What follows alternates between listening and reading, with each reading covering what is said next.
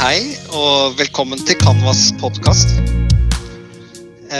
Det er eh, nærmer seg eh, midten av mars, faktisk nærmer seg den 12. mars. Og eh, da har det gått et helt år siden vi stengte ned barnehagene i Norge. Og det syns jeg vi bør markere på en måte. Og det er ikke fordi jeg tenker at det er noe vi skal feire, men markere med en form for en refleksjon. Dette året har vært annerledes på så utrolig mange måter. Og, og det er så mange ting man kan ta tak i og ta med seg uh, i denne refleksjonen. Så det jeg har gjort, er at jeg har uh, spurt Line og Jørn, to gode kollegaer, om de vil være sammen med meg i den refleksjonen. Og jeg, jeg heter Robert Ullmann, og jeg er daglig leder i stiftelsen Canvas. Og nå sa jeg jo at jeg har med meg Line og Jørn, så Line, kan ikke vi høre kort uh, hvem er du? Jo, jeg er Line Olvheim Elmore. Jeg jobber i Kladen Canvas barnehage som barnehagelærer der. Men jeg er jo her eh, nok mest sannsynlig fordi jeg er hovedtillitsvalgt eh, for Utdanningsforbundet i Canvas. Ja, det stemmer. Du er en av de eh, som jeg har snakket mye med i løpet av dette siste året. Men du har ikke snakket bare med meg, du har sikkert snakket med forferdelig mange andre av våre kollegaer også. Og så har vi en annen stemme som vi har hørt mye til i, i dette året, nemlig redaktøren i Canvas-podkasten, Jørn få høre hvem er du egentlig? Ja, det var en staselig tittel til, til, å begynne med. Jeg heter ja. Jørn Werner Graner Horntvedt. Jeg er barnehagelærer i Krokenskogen Kanvas barnehage. Det har jeg vært siden 2005. Altså ansatt, ikke barnehagelærer, men jeg har gått gradene, liksom. Og så er jeg da programleder da i eh, denne podkasten, utenom i dag. I dag er det din tur, Robert. I dag øver jeg meg som programleder, eh, men jeg har fått litt veiledning, da. Og det, det, tenkte vi kunne begynne med for å komme litt i gang. Eh, det er rett og slett bare om å høre hvordan, hvordan har dagen vært. Eh, dere jobber jo på to forskjellige steder eh, i Norge. En i Bergen og en i Sandefjord. Line, hvordan har dagen din vært? Jeg jobber i naturgruppen, så vi har vært ute. Vært, gått opp Harafjell og utforsket skogen der eh, i ganske heftige stormkast og litt eh, snø. og så har vi drevet på med eksperimenter, for hele denne måneden skal vi teste forskjellige ting. Og i dag er det et egg som ligger i en eddikessens og vannblanding. til stor undring for ungene hva som skjer med det i morgen når det tas frem og du vil ikke avsløre det, fordi jeg begynte å undre meg med en gang. Eh, jeg har ikke vært med på det eksperimentet når jeg var barn, ikke da jeg var voksen heller. Eh, hva kan du eh, avsløre? Hva skjer? Jeg kan, jeg kan ikke avsløre så mye, for dette er Fredrik sitt eh, prosjekt. Så jeg har min egen hypotese om hva jeg tror som skjer. Men eh, det for meg Jeg har fått beskjed om å ikke google det. så min hypotese er at det i hermetegn kokes eller er ferdig som et kokt egg, men uh, det vet jeg ikke. Uh, jeg har hatt uh, masse ballongeksperimenter, og vi har f.eks. testet at en, et barn kan stå opp en ballong uten at den sprekker, og man kan stikke et spyd inn i ballong uten at den sprekker. og ja, og så nå er det ett eksperiment vi ikke får til, som er å få denne her skallsaften på en appelsin til å sprekke ballongen. Og da var det et barn som kom til meg i dag og så sier men Line, du må ta solo. Jeg sier jeg må ta solo. Ja, på den ballongen, der er det appelsin i. Så det må du prøve. Så da skal vi teste i morgen om, om det holder å ta solo på ballongen for å få den til å sprekke. masse, masse, hypoteser som lar seg teste i praksis. Eh, så gøy. Eh, mm. Kjempe, kjempespennende. Og, takk for at du deler litt fra hverdagen din. Hvordan står det til med deg, Jørn? Hvordan har dagen din vært?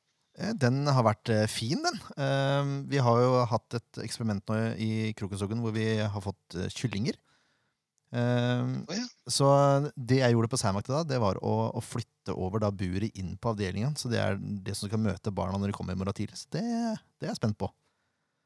Ellers så er eh, hverdagen eh, litt rar om dagen fordi en god kollega er sykemeldt. Og det er eh, veldig merkbart på både barn og voksne, for det er en person som bringer mye energi inn i gruppa. Men, men vi klarer oss fint, altså. Mm. Men eh, la oss bite litt i det som også eh, er grunnen til at vi prater sammen i dag. Da. Eh, Ettårsmarkering med covid-19 en unntakstilstand, noe alle har snakket om hele tiden. Og eh, barnehagene våre var jo stengt i mange uker, og, så åpnet vi igjen. Og hvordan, hvordan har det opplevdes å være i en sånn utfordrende situasjon? Og det stadig har vært endringer fra det ene til det andre, altså fra disse ulike nivåene. Og, ikke minst det mediatrykket. Uh, hvordan opplever dere å ha stått i denne utfordringen dette siste året. Line, du kan jo begynne med å dele litt. Ja. Der har jo jeg to forskjellige roller. Sant? Jeg har jo på en måte én hverdag som hovedtillitsvalgt.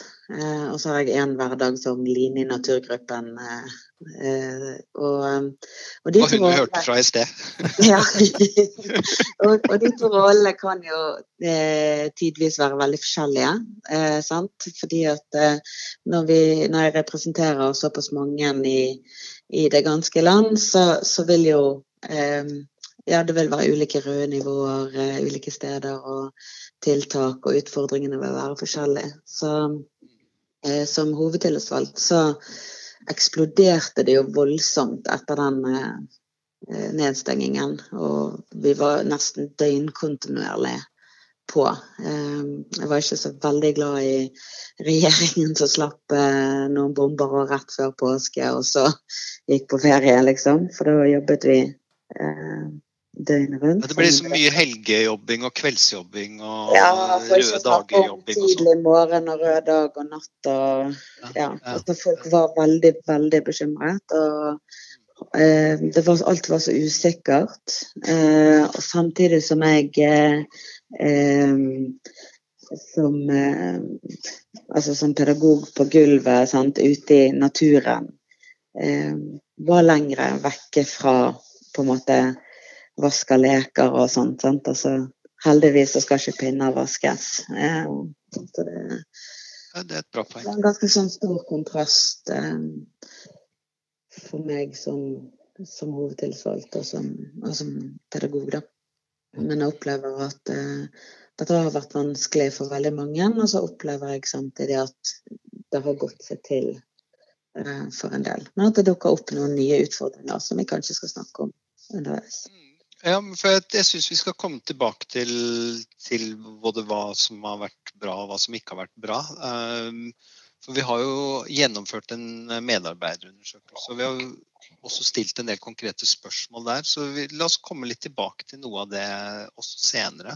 Mm. Uh, Jørn, din, din, side av saken, da. Altså, du har jo vært med da siden 2005. Så er dette, er dette året, når du ser tilbake, veldig annerledes fra andre år?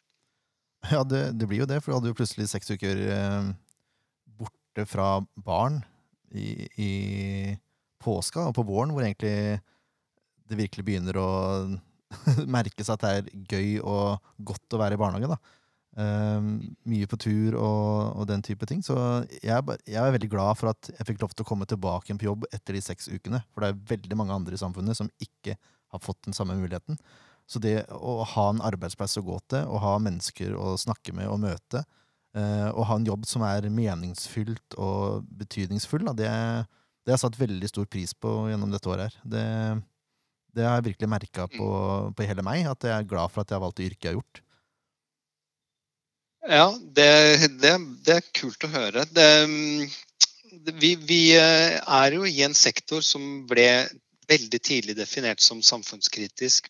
Mm. Og sånn sett så, så fikk vi jo en rolle som handlet om at vi skulle bidra til å holde samfunnet i gang, og at vi skulle møte alle barn eh, i barnehagen. Eh, og spesielt da de som var barn av foreldre med samfunnskritiske funksjoner også. Der måtte vi holde åpent lenger for dem.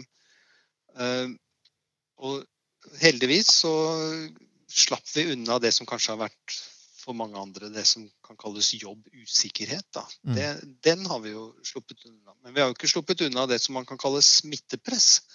Fordi mens andre har kanskje opplevd å være borte fra jobb og borte fra andre mennesker, så har jo dere stått i egentlig, egentlig akkurat det motsatte. Mm. Jeg, jeg, jeg, vet jo at folk er forskjellige, og vi har 1200 ansatte i Canvas. Uh, dette må jo oppleves veldig ulikt fra, fra kollegaer til kollegaer. Ja, da tenker jeg liksom sånn eh, Det er kanskje den, den største eh, utfordringen her. Da, At man har på den ene siden følt seg kjempeheldig for det at man har fått lov til å være nær. Vi har jo ikke bare kunne klemme, vi har jo skulle klemme. Mm. Og vi har kunnet eh, få lov til å gjøre alle de tingene som andre ikke har fått lov til. Vi har fått være nær kollegaer, vi har fått eh, være nær barn. Vi har eh, på mange måter kunnet gjøre veldig mange av de positive sidene våre fortsatt. Mm. Eh, og så har det da for veldig mange føltes veldig utfordrende. Fordi at eh, hvis du Eh, bekymrer deg for smittepresset eller for å bli smittet, så vil jo det at du skal klemme, det at du skal være fysisk tilgjengelig og være nær sånn som alle de kjerneverdiene man har i, i barnehagen, det har òg da De har følt seg veldig mye mer utsatt. Um, så det ble liksom både veldig fint og kjempeutfordrende på samme tid. Mm, en, en, slags uh, ja, Hva kaller man det? Et dilemma. Uh, men en form for et positivt dilemma? Nei, det er vanskelig å si. Det er ikke noe som heter det, tror jeg. Men uh, i hvert fall et dilemma da, hvor man blir strukket mellom to sider. Mm. Um, jeg tenker på altså, Du, Jørn, sa det jo eksplisitt også, dette med at barnehagene altså selve jobben i seg selv er meningsfull. Og eh, det å møte de barna og klemme dem, som du snakker om, Line. Eh, det som jeg syns er interessant når vi snakker om meningsfull jobb, det er å bl.a. se på eh, den aller, aller høyeste scoren vi har gjort i årets medarbeiderundersøkelse. Av fem mulige oppnåelige poeng eller score, så har Eh, Canvas-ansatte skåret utsagnet 'jeg føler at den jobben jeg gjør er meningsfull' til 4,7 i gjennomsnitt. Og det tenker jeg er litt sånn wow. Og eh, den, den høye scoren, den tror jeg, og det jeg er spent på å høre om dere er enige, eller om dere har noen motforestillinger, men jeg tror det kanskje er en en drivkraft til å komme seg på jobb og kanskje bryte ned noe av den frykten da, som eh, man har stått i. Nettopp det at det er så meningsfylt, og at man er så viktig for andre mennesker. Ja, det er, det? det er jeg helt enig i, egentlig. Fordi de, den gjensynsgleden som man møter hver dag, den tror jeg det er veldig få personer utenom vårt yrke som har. Ehm, både Kanskje ikke bare kollegaer, men eh, spesielt barna. Altså når, når barna ser deg igjen etter bare at det har gått et døgn, og så møter de en klem allikevel. Altså, bare det i seg sjøl er jo så betydningsfullt som man får det, omtrent. Tenker jeg, da. Line? Ja, ja, jeg tenker altså, Jeg gikk eh, fra jobb her eh, i ettermiddag, og nå er det bursdagsbesøk på etasjen her eh, i barnehagen som jeg sitter nå, eh, på kveldstid. Og bare jeg kom innom nå, så er det jo sånn 'Line, hva gjør du her?' Altså, det er liksom Det er bare noen timer siden jeg bare rukket å gå tur med hunden i mellomtiden før eh, sant? Men den der eh, det at du betyr så mye for noen, eh, og at du utgjør en så stor forskjell, eh, det, det gjør det jo veldig meningsfylt. Og jeg tenker at det var kanskje den største aha-en når vi ringte rundt i nedstengingsperioden, var jo eh, hvor utrolig viktig det var for ungene, men faktisk òg for foreldrene, mm. når vi ringte. De ble ofte sittende og delta i samtale med oss fordi de hadde så masse de lurte på.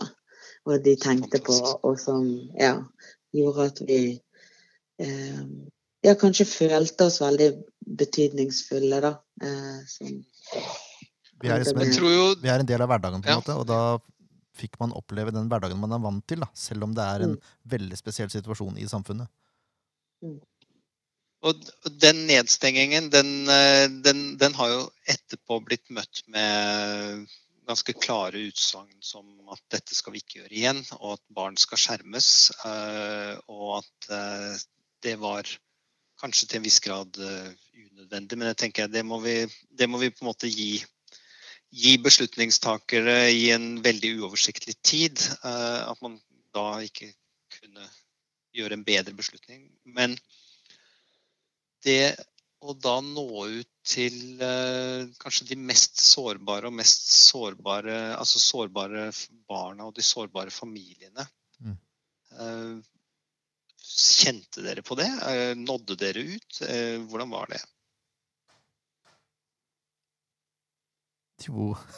du, ja, eller Jørn, da tok du ordet. Kom igjen. Vi, ettersom vi ikke ser hverandre, så er det jo veldig vanskelig å ha øyekontakt og nikke og sånn. Men Jørn, hør, få høre på deg. Eh, jo, eh, når vi var nedstengt, så måtte vi holde åpen for de barna som trengte det, på en måte. Eh, og jeg merka det at jeg innbiller meg at foreldrene, i hvert fall, merka og merka, jeg innbiller meg, ut ifra det jeg så og hørte, at de var veldig takknemlige for at vi var der for dem og deres familie.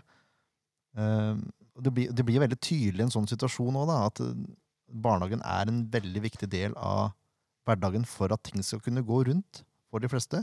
Og spesielt da for de sårbare barna, som får et avbrekk da fra det å være veldig sårbar.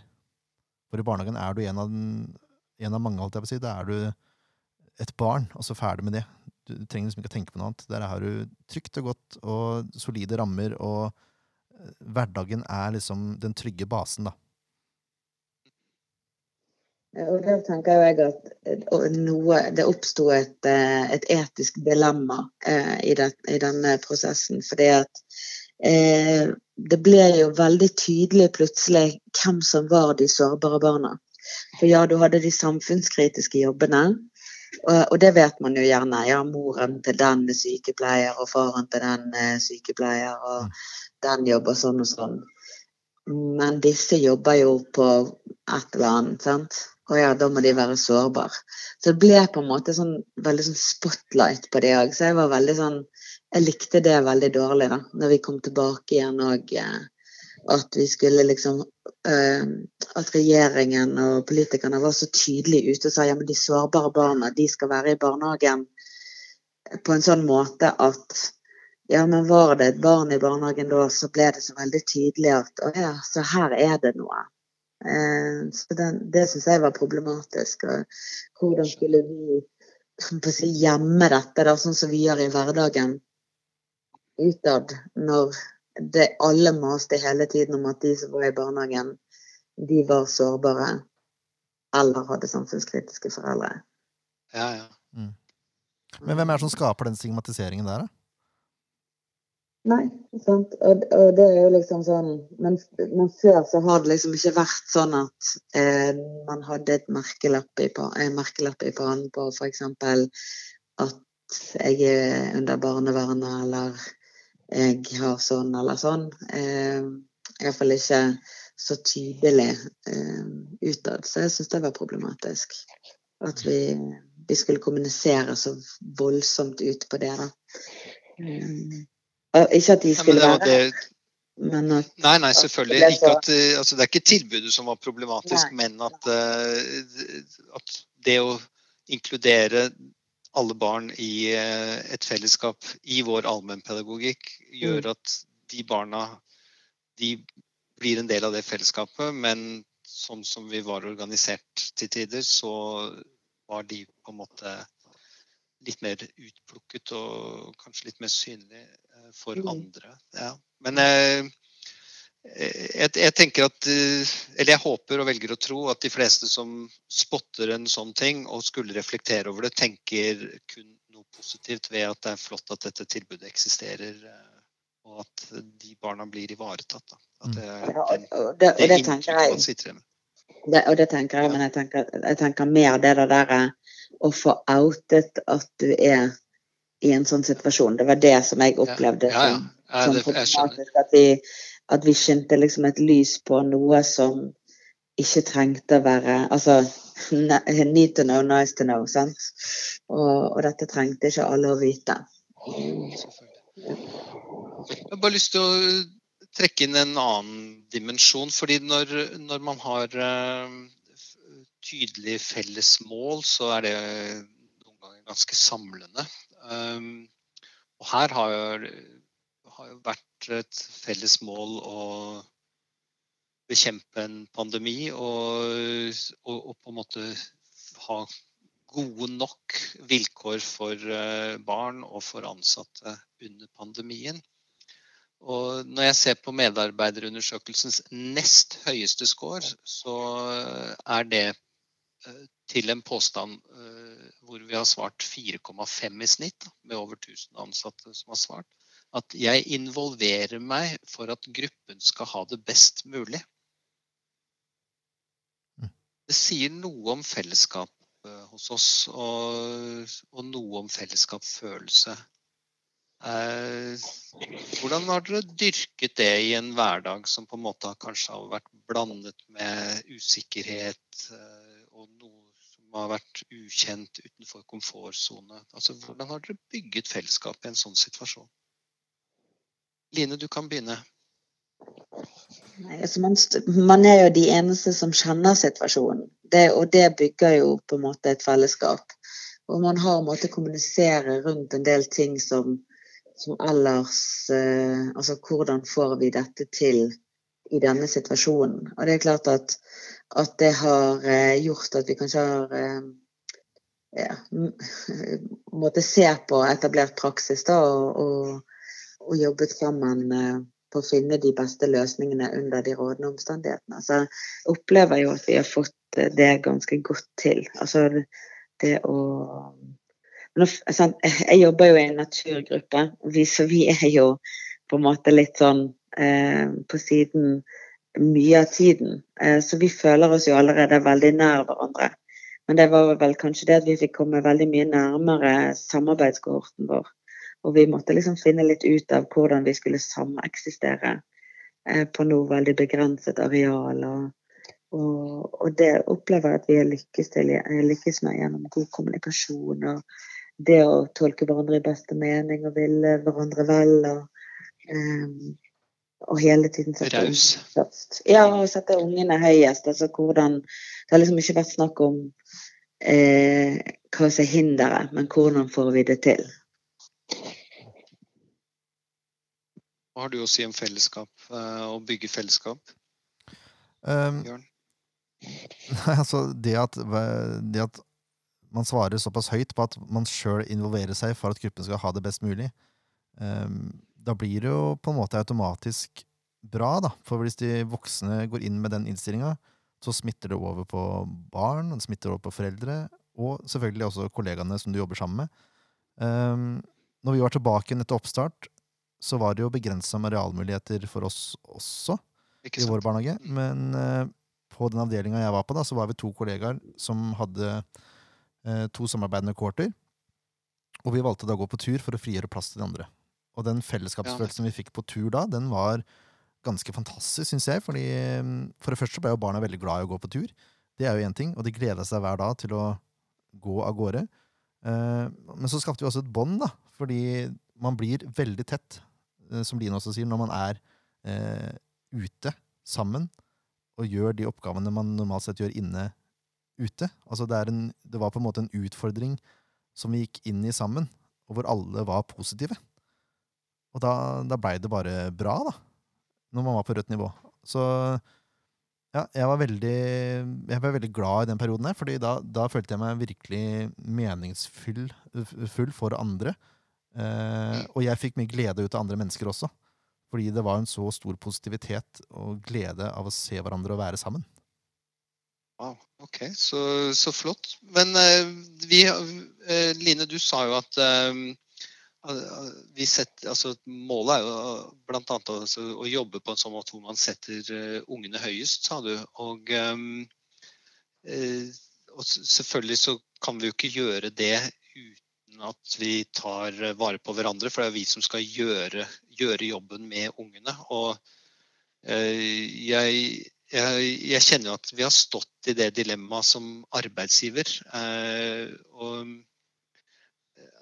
altså, det, det, er ikke sånn at vi kunne ha valgt å ikke gå på jobb heller, på en måte. Eller valgt å holde barnehagene stengt fordi vi eh, ikke, ikke, følte at det var trygt nok. Så det har jo vært et ganske sånn sterkt press på ansatte i frontlinjen. Um, jeg er ganske sikker på at, uh, at i hvert fall arbeidsgiveren har kanskje ikke nådd frem, da, jeg eh, og mine kollegaer i ledelsen, med at vi, vi eh, ønsker at alle ansatte blir ivaretatt på en så god måte som mulig. Og at de føler det, da, at, at vi vil dem vel. Altså det, mm. det, er kjempevanskelig å nå ut i, eh, i denne situasjonen også, syns i hvert fall jeg. at det har, Eller kjempevanskelig, overdriver jeg litt. Men det, vi, vi, har i hvert fall ikke kunnet reise ut og være, være synlige på samme måte som ellers. Og jeg har i hvert fall forståelse for hvis det er noen som har opplevd at, at man ikke har kanskje kjent at man får den støtten da, som trengs. Um, er det noe dere har snakket om, eller eh, jeg skulle gjerne hatt noe tilbakemelding på sånne ting? Jeg, jeg har jo det som hovedtillitsvalgt, så får jo jeg det. Eh, ja. og det er klart eh, Eh, folk som opplever det utfordrende. Man opplevde det som utfordrende at man veldig lenge hadde to forskjellige regler eh, nasjonalt da, på eh, når barn kunne komme tilbake. Eh, og når voksne kunne komme tilbake i forhold til eh, oppståtte symptomer. Eh, og så er det jo dette her med at hver gang noen på en måte må ta en test, og man må sitte og vente, og så må man da i beste fall gå med en vikar, og i verste fall ingenting. Eh, og det å liksom ikke ha den fleksibiliteten, at man bare liksom kan hjelpe hverandre, sant? Altså, det har vært, har vært tøft for, for, en del mennesker, da. Eh, og som da kanskje gjør at eh, noen får en sånn veldig sånn Ja, men jeg kan Jeg, må bare være her. Eh, sant? Og liksom står i det og, og, og, trives med det, på en måte. Mens andre får en litt sånn sånn Og dette er altfor mye. Jeg står helt alene og føler liksom at de, de ikke mestrer da. Så vi får jo tilbakemeldinger på at, eh, at man begynner å bli sliten. Eh, at det begynner å bli ja, F.eks. nå i, i Oslo, sant? man gikk på rødt nivå igjen. Så har jeg fått tilbakemeldinger om at man syns det er utfordrende at eh, arbeidsgiver, i dette tilfellet Canvas, da tenker at fordi at man ganske nylig har vært på rødt nivå, så trenger man ikke så lang tid for å omstille seg eh, til rødt nivå igjen. Sant? Så man f.eks. de kommunale barnehagene fikk eh, åpnet klokken 11 for ungene og jobbet fra 8 til 11 med å omorganisere seg, så, så fikk iallfall den henvendelsen jeg fikk, da man beskjed om at her skulle man åpne halv ni for ungene, og at Eh, noen av de tingene begynner nå å, å, bli sånn at man når maksgrensen da, eh, noen steder. Eh, sikkert i en, i en total da, av, av, mange ting, av at folk er vekke, og man får ikke vikarer, og man kan ikke utnytte fleksibiliteten. da. Mm. Um, Nei, jeg forstår det, og, og, og kjenner på den. At uh, beskjeden på den siste pressekonferansen var jo å innføre rødt fra og med i morgen, eh, altså dagen etter. Eh, og dette var jo en pressekonferanse på ettermiddagen. Det er jo ikke tvil om at det er å hive seg rundt for å løse det på en god. Nei, og sånn som de sa, sånt, sånn, den ene som tok kontakt med meg, f.eks. sier at ja, men vi får beskjeden klokken to. Og vi har alle ungene der, vi er 15 småbarn og skal da liksom rigge om en, en småbarnsavdeling til neste dag fordi at vi allerede neste dag skal stå klar og ta imot uten noe forberedelsestid. Så, så, det blir jo kanskje litt sånn at eh, det kan være lett å sitte høyere opp i systemet. Nå tenker jeg mange andre steder òg, men sånn at man tenker at ja, men dette har man gjort før. Og så glemmer man litt at Jo, men det er ganske store ting som skal flyttes noen steder. Altså kommer vi på Det er ikke bare trafikklys som bytter farge, altså. Jeg, Nei, kommer, kommer, vi på rødt igjen, sant? Så, så er det ikke plass til min gruppe inne i det hele tatt. Vi, jo, vi, var jo ute i minus 15 grader og måtte ta i bruk et speiderhus. Og det er klart at bare det, bare det å flytte flytte alt vi trenger bort til et speiderhus, eh, var jo Altså tar jo tid. Sant? Så Ser det. Ja. Jeg, jeg, jeg, er veldig enig. Jeg har bare lyst til å poengtere at jeg ikke føler at jeg sitter øverst i systemet, men lengst inn i korridoren, for å si det sånn. det, er, det, er, sånn jeg velger å se det. Da. At Veien er ganske lang for å, for å nå ut, og derfor også denne samtalen her. Da. Det er kjempeinspirerende og lærerikt eh, å høre dere prate også. Ehm, det med, det med, nærvær er faktisk noe som overrasket meg litt når vi ser på statistikken eh, totalt eh, for eh, hele Canvas i 2020, da, hvor det har vært mest preget av korona, så har vi falt med en, ett prosentpoeng da, på nærvær. Ehm, så vi, du kan si at vi har hatt et, i snitt et fravær på 9,5 på et helt år i 2020. Ganske mye lavere enn hva jeg hadde trodd. Um, og det, det, overrasket meg. og jeg, sånn sett så, så Når man liksom leser sånn statistikk, så tenker jeg jo at uh, noen av de tingene vi snakket om i sted, denne fellesskapsfølelsen, denne uh, opplevelsen av å ha en meningsfull jobb, er en driver for uh, høyt nærvær selv under smittepress. Men så kommer poenget mitt. er det slik at dette smittevernet vi har innført, også har en effekt for å holde seg mer frisk? Altså Selv så har jeg ikke vært eh, forkjøla på et år. Og veldig få av de jeg kjenner eh, eller har rundt meg i hverdagen, har, har vært det. Liksom. Altså, ser dere noe som ligner på at dette smittevernet er noe vi absolutt bør ta med oss videre? En, en light-versjon av det? Ja, det å vaske hender når man Gjør. kommer og går, f.eks. Jeg tror ikke det skader noen i det hele tatt. Eh, og jeg har også vært så heldig at jeg ikke har vært syk den perioden her på det året. Uh, og det, det, er nok både fordi man har vært nøyere med hygiene, men også fordi man føler viktigheten av å være på jobb. Nå snakker jeg for min egen del. Da. At jeg, fø, jeg, føler at det er viktig at jeg er der. Større jobbforpliktelse, liksom? Ja. Ja, og, og, også motivasjon. Ikke bare forpliktelse, men det er motivasjon. liksom, At nei, jeg, jeg må på jobb, jeg. Det er, det er sånn det er. Jeg må, jeg må, på jobb for at ting skal gå rundt. Uh, jeg, jeg, personlig så, liker jo den holdninga, da. men, det, men da, da, er det jo ikke hygienen, da. Da er det hodet ditt som, som snakker. Jo, men som jeg sier, da, det er en kombinasjon, eh, selvfølgelig. For jeg, tror ikke det skader at uh, man er nøyere på hygiene. Ikke i det hele tatt. Er det noe å hente der, Line? På hygiene? Ja, det er jo klart at det, det vil det være. Men jeg tror, sånn som Jørn sier òg, at eh, eh, når noen eh, veldig nær deg blir veldig sårbar hvis du er vekke, eh, og nå har ikke man hatt fleksibilitet med å bare hente inn fra et annet sted på huset, eh, så gjør det kanskje terskel litt høyere for noen. Og så vil det jo være òg at noen er er friskere pga. smittevern. Mm. Vi hadde litt sånn eh, Føltes i hvert fall eh, at det var noen her som ble eh, mer smittet fordi at barn i begynnelsen der fikk komme tilbake tidligere enn det ja. vi fikk. sant? Eh, og så kan jo jeg Jeg sjøl er jo eh, sjeldent syk, så for meg har ikke det endret seg noe. Men så er jeg òg ute.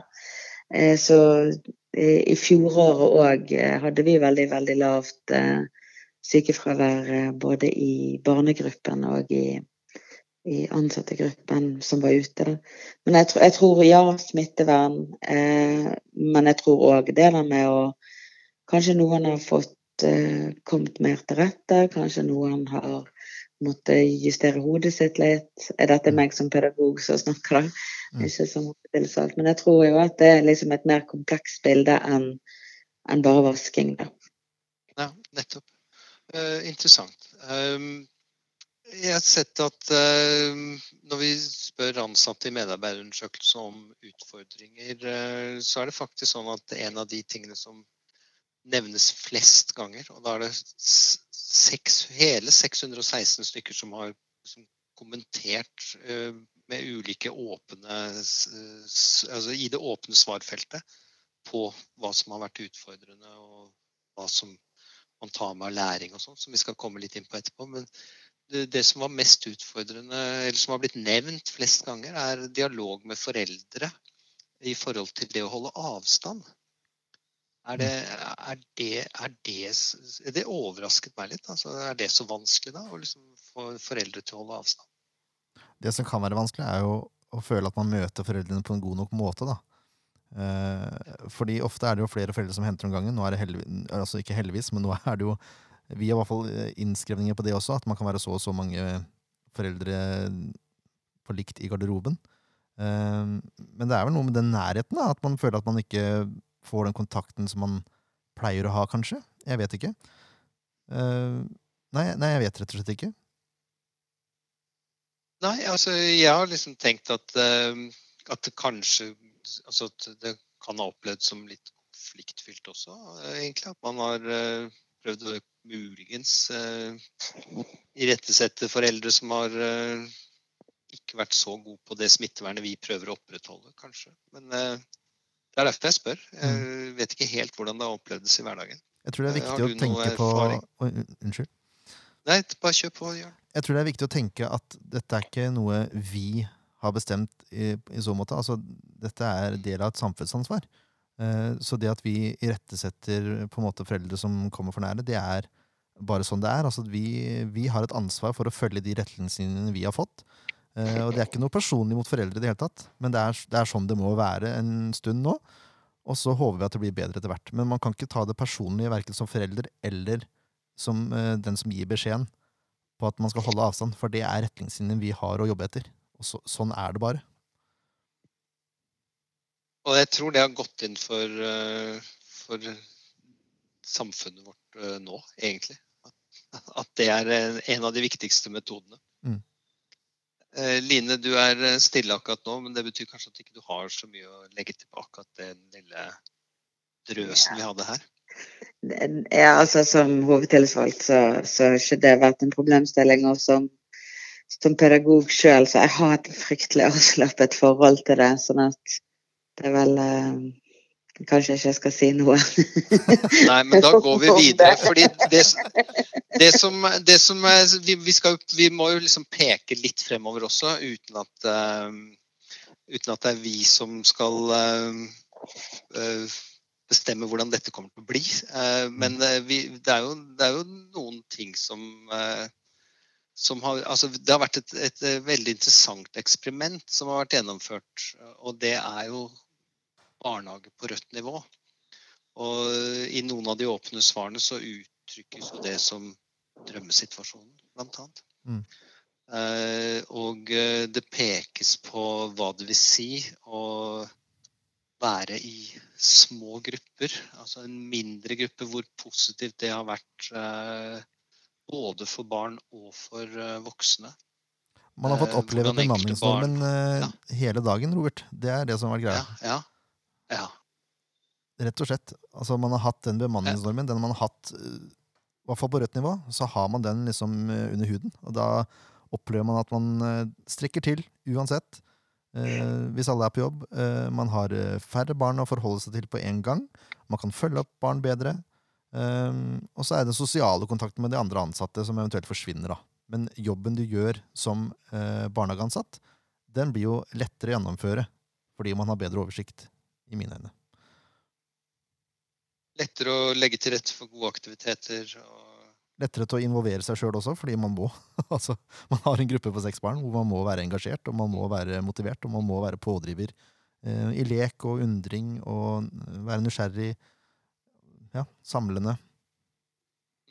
Pluss at jeg tror ikke man skal eh, eh, underkommunisere heller det at man har fjernet en hel del ting på rødt nivå som eh, bare kom til fordi at barnehagene skal være så utrolig serviceinnstilte hele tiden. Mm. Eh, sånn at eh, bare Sånn det som hva da? Mat? ja, matlaging, ja, matlaging eksempel. Er du klar over hvor mange timer som går til å eh, forberede, dekke på, vaske, styre rundt et måltid i en barnehage hver eneste dag. Én til to måltider om dagen. Eh, bare de timene der, sant. Altså, det er en del sånne ting som, som forsvinner, som gjør at man kommer tilbake til essensen i jobben vår. Og det er jo kanskje det som jeg som pedagog har satt mest pris på. Det å få lov til å jobbe med jobben min, Mm. og ikke alt mulig annet sånn her utenom eh, ja, som, som bare må gjøres fordi at nå er det blitt sånn. Eh, og så er jeg helt enig med Jørn dette med at eh, det at man har fått lov til å være bemanningsnormen, og det at man eh, har fått kommet veldig tett på. Alle har vært der samtidig, man har kunnet utveksle. Eh, det at det kom en justering på rødt nivå òg, som ikke var så firkantet som vi tolket den i første runden, det har jo, òg hjulpet mye. Eh, men, jeg, men jeg tenker at eh, det har båret med seg eh, nye tanker, og, og det er flere stemmer nå som utfordrer Canvas på å gå i front på dette området òg.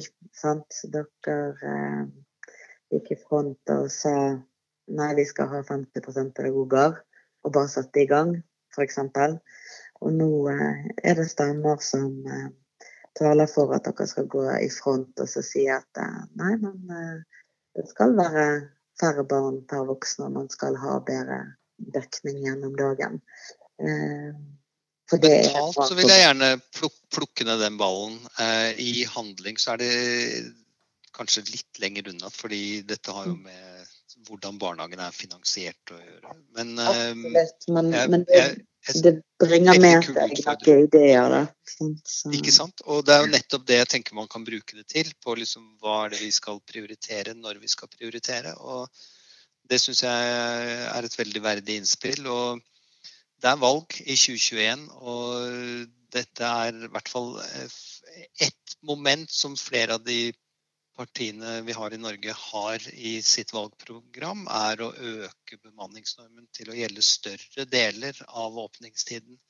Eh, Men det er jo kun de færreste som har valgt å si eh, at den skal på en måte gjelde hele åpningstiden. Eh, Fordi Sist gang det ble regnet på det, så tror jeg det var så ufattelig kostbart at man ikke turte å liksom ferdigbehandle det engang. Men jeg skal, i hvert fall, bidra til å, til å jobbe med det rent politisk, og så skal jeg bidra med det og jobbe med det rent strategisk internt i, i Canvas.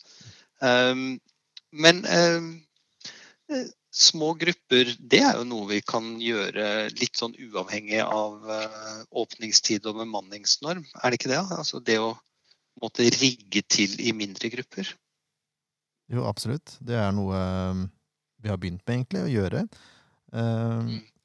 I hvert fall uh, Altså, vi har ikke delt inn i faste grupper sånn sett nå, nå som vi er på gult nivå, men vi har stasjoner hvor barn kan velge forskjellige aktiviteter med, med forskjellige voksne. ikke sant? Så da, da deler man liksom gruppa opp eh, både i forhold til interesser og i forhold til antall barn. Eh, og det er jo en verdi da, å ha mindre grupper å jobbe med. Det er ikke, det er ikke til å komme bort ifra det i det hele tatt. Og så disse, alle disse tingene som ligger litt sånn på siden, som Line beskrev. altså Der hvor liksom man, man har en del ekstra oppgaver også som ligger der i hverdagen. Og på Rødt så skreller man bort alt og gjør kun en, en del av en, en, en, eh, en jobb. da. Mm. Eh, er, det noe, er det noe skrell som lar seg fjerne i en, eh, i en ny hverdag? liksom? Ja, jeg tenker det. Jeg tenker at det på høy tid å gå tilbake til og så si ja, hva er det hva er Hvem er barnehagen for? Er den for ungene, eller er den for foreldrene? Eh, og selvfølgelig så, så, eh, så har man òg eh, et samfunnsmandat for at foreldre skal være i jobb og sånt, men til syvende og sist så må det jo veie tyngst hva barn trenger. Og ja, man kan tilrettelegge for, for mindre grupper og sånt, men man må òg innse at idet man sier man skal òg gjøre dette, dette, dette, dette dette, så tar man personal vekk. Og da står man igjen med eh, ikke fullt så store rammer til å lage de mindre gruppene. Og igjen, hvis jeg skal ta på meg hovedtillitsvalgthatten, så, så, så, blir det jo viktig at alle pedagogene får ubundet og den tiden de skal ha. Det blir viktig at eh, de ansatte på en måte ikke må eh, ja, gjøre en haug med andre oppgaver som på en måte stjeler tid fra, eh, fra den eh, grunnjobben vi skal gjøre. Eh, derfor var jeg f.eks veldig glad når man i bergensbarnehagene i begynnelsen hadde eh, Jeg husker ikke hva det het, men det var sånn spray som de sprayet på som gjorde at vi måtte vaske mindre. da. Eh, så jeg tenker at det er det er, det er noen utfordringer og, og, sant? Et, et, en, en, det er en annen gevinst her som har vært helt åpenbar og veldig synlig, i hvert fall for min del, eh, i min jobb. Eh, og det er jo det digitale løftet som eh, vi fikk som organisasjon, og hvor mye nærmere vi har kommet. Altså hvor mye raskere vi kan møtes på, kortere, på kortere møter. Mm. Eh, jeg tenker at det skulle være mulig å kunne liksom bruke den nye digitale hverdagen også til å frigjøre noe tid. Jeg, jeg, håper det lar seg gjøre, i hvert fall. At det er nok positive opplevelser fra, fra det eh, med å jobbe med Teams eh, bl.a. til at vi kan liksom få noen gevinster ut av det eh, i en normal tid. Mm. Ja, det tror jeg. Absolutt. Ja. Ja, I hvert fall er det noe som er veldig synlig for oss som jobber i administrasjonen. Eh, og vi møtes jo Jeg møter jo mange kollegaer nå som ikke bruker tid på å reise og bruker tid bort fra barna. Eh, så det, det er jo en god ting i seg selv. Mm. Um, vi, vi bør nærme oss slutten. Og jeg har lyst til å spørre dere om en annen ting også. Og det er ut fra en opplevelse jeg har, sånn som jeg tolker omtale i media. Eh, og det er at eh, barnehagesektoren har fått en, eh, en, en, høyere status i den tiden. Nettopp fordi man har sett hvor viktig barnehagen er. At vi har blitt veldig synlige aktører egentlig under pandemien. Men det, det spiller jo ikke noen rolle at det skrives noe sånn heiarop i ulike innlegg i avisen hvis ikke det er slik dere opplever det. Så jeg er litt nysgjerrig på hvordan dere opplever det. Line, du kan ta først. Ja. Vi opplevde det eh, helt i begynnelsen. At, eh, særlig nedstengingen og tiden rett etter nedstengingen. At man var så utrolig takknemlig for den jobben vi gjorde, og at man plutselig hadde fått øynene opp for en hel del ting eh, som foreldre og som samfunn generelt. Eh, men jeg personlig, og jeg hører eh, flere av mine kollegaer sier det òg, og hører litt sånn rundt om, så er ikke det altså Det føles som om det er forbigått nå. Det betyr ikke at det ikke finnes enkeltmennesker, men sånn, sånn generelt nå så føles det som om at eh, Ja, fint, eh, men nå er vi tilbake i hverdagen. Eh, og ja. Så det føles litt sånn Eh, man glemmer litt at vi er på gult nivå, f.eks. Så det er noen som har sagt at eh, gult nivå er, er, som grønt, med mer håndvask. Eh, og det føles liksom sånn at kravene kommer. sant? Eh, nå skal man tilbake matservering, nå skal man gjøre sånn, nå skal man gjøre sånn. Og så eh, litt sånn Ja, de glemmer litt at vi ikke har den samme fleksibiliteten som vi har til, i hverdagen. der. Ja. Så, så, nei, jeg, jeg personlig opplever ikke at vi har fått en høyere status.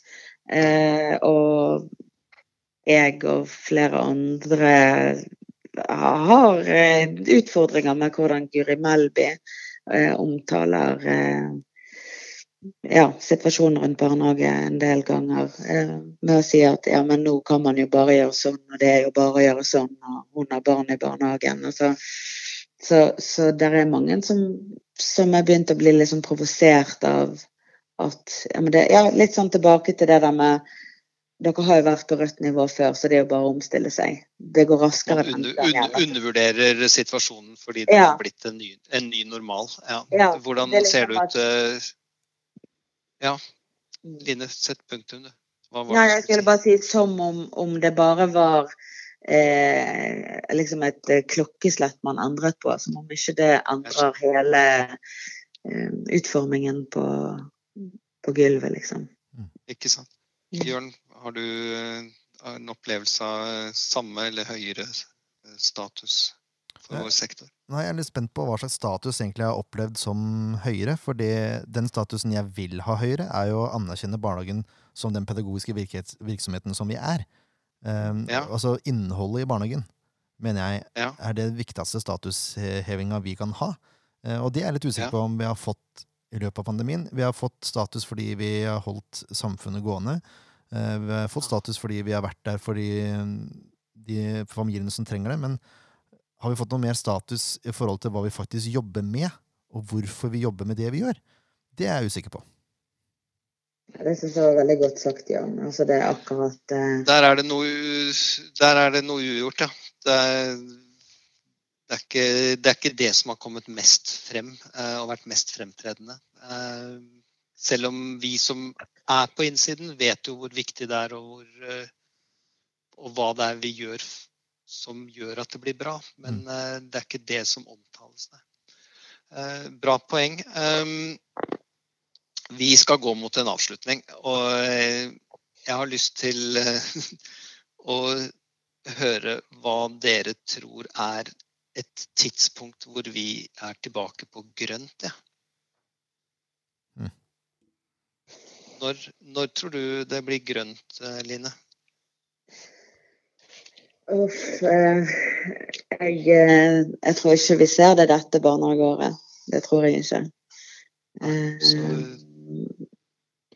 jeg, håper at vi ser det et stykke etter sommeren.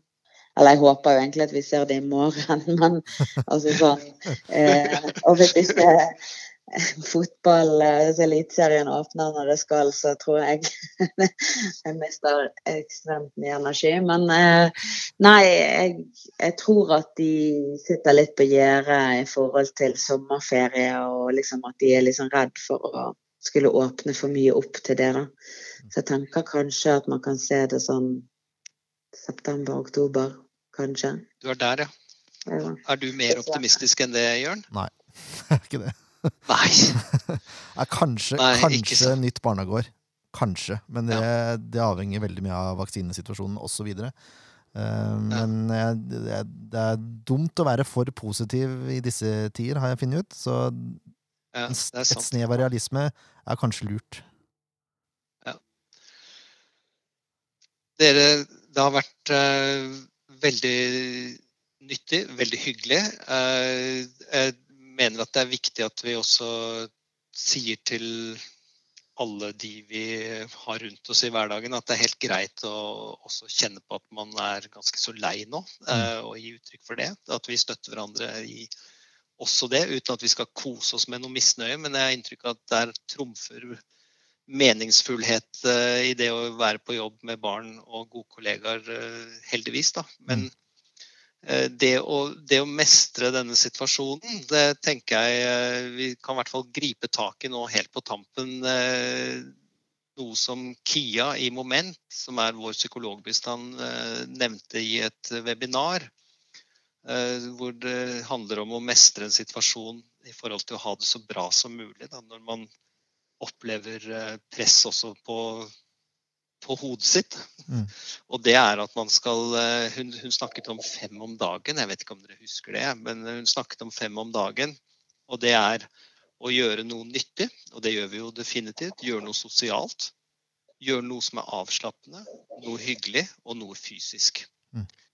tenker jeg gode momenter som vi skal ta med oss videre frem til vi kan se det, det grønne trafikklyset igjen. Da. Enig, Robert. Og det, det tror jeg du nevnte i den første podkasten også. Ja, kanskje jeg gjorde det.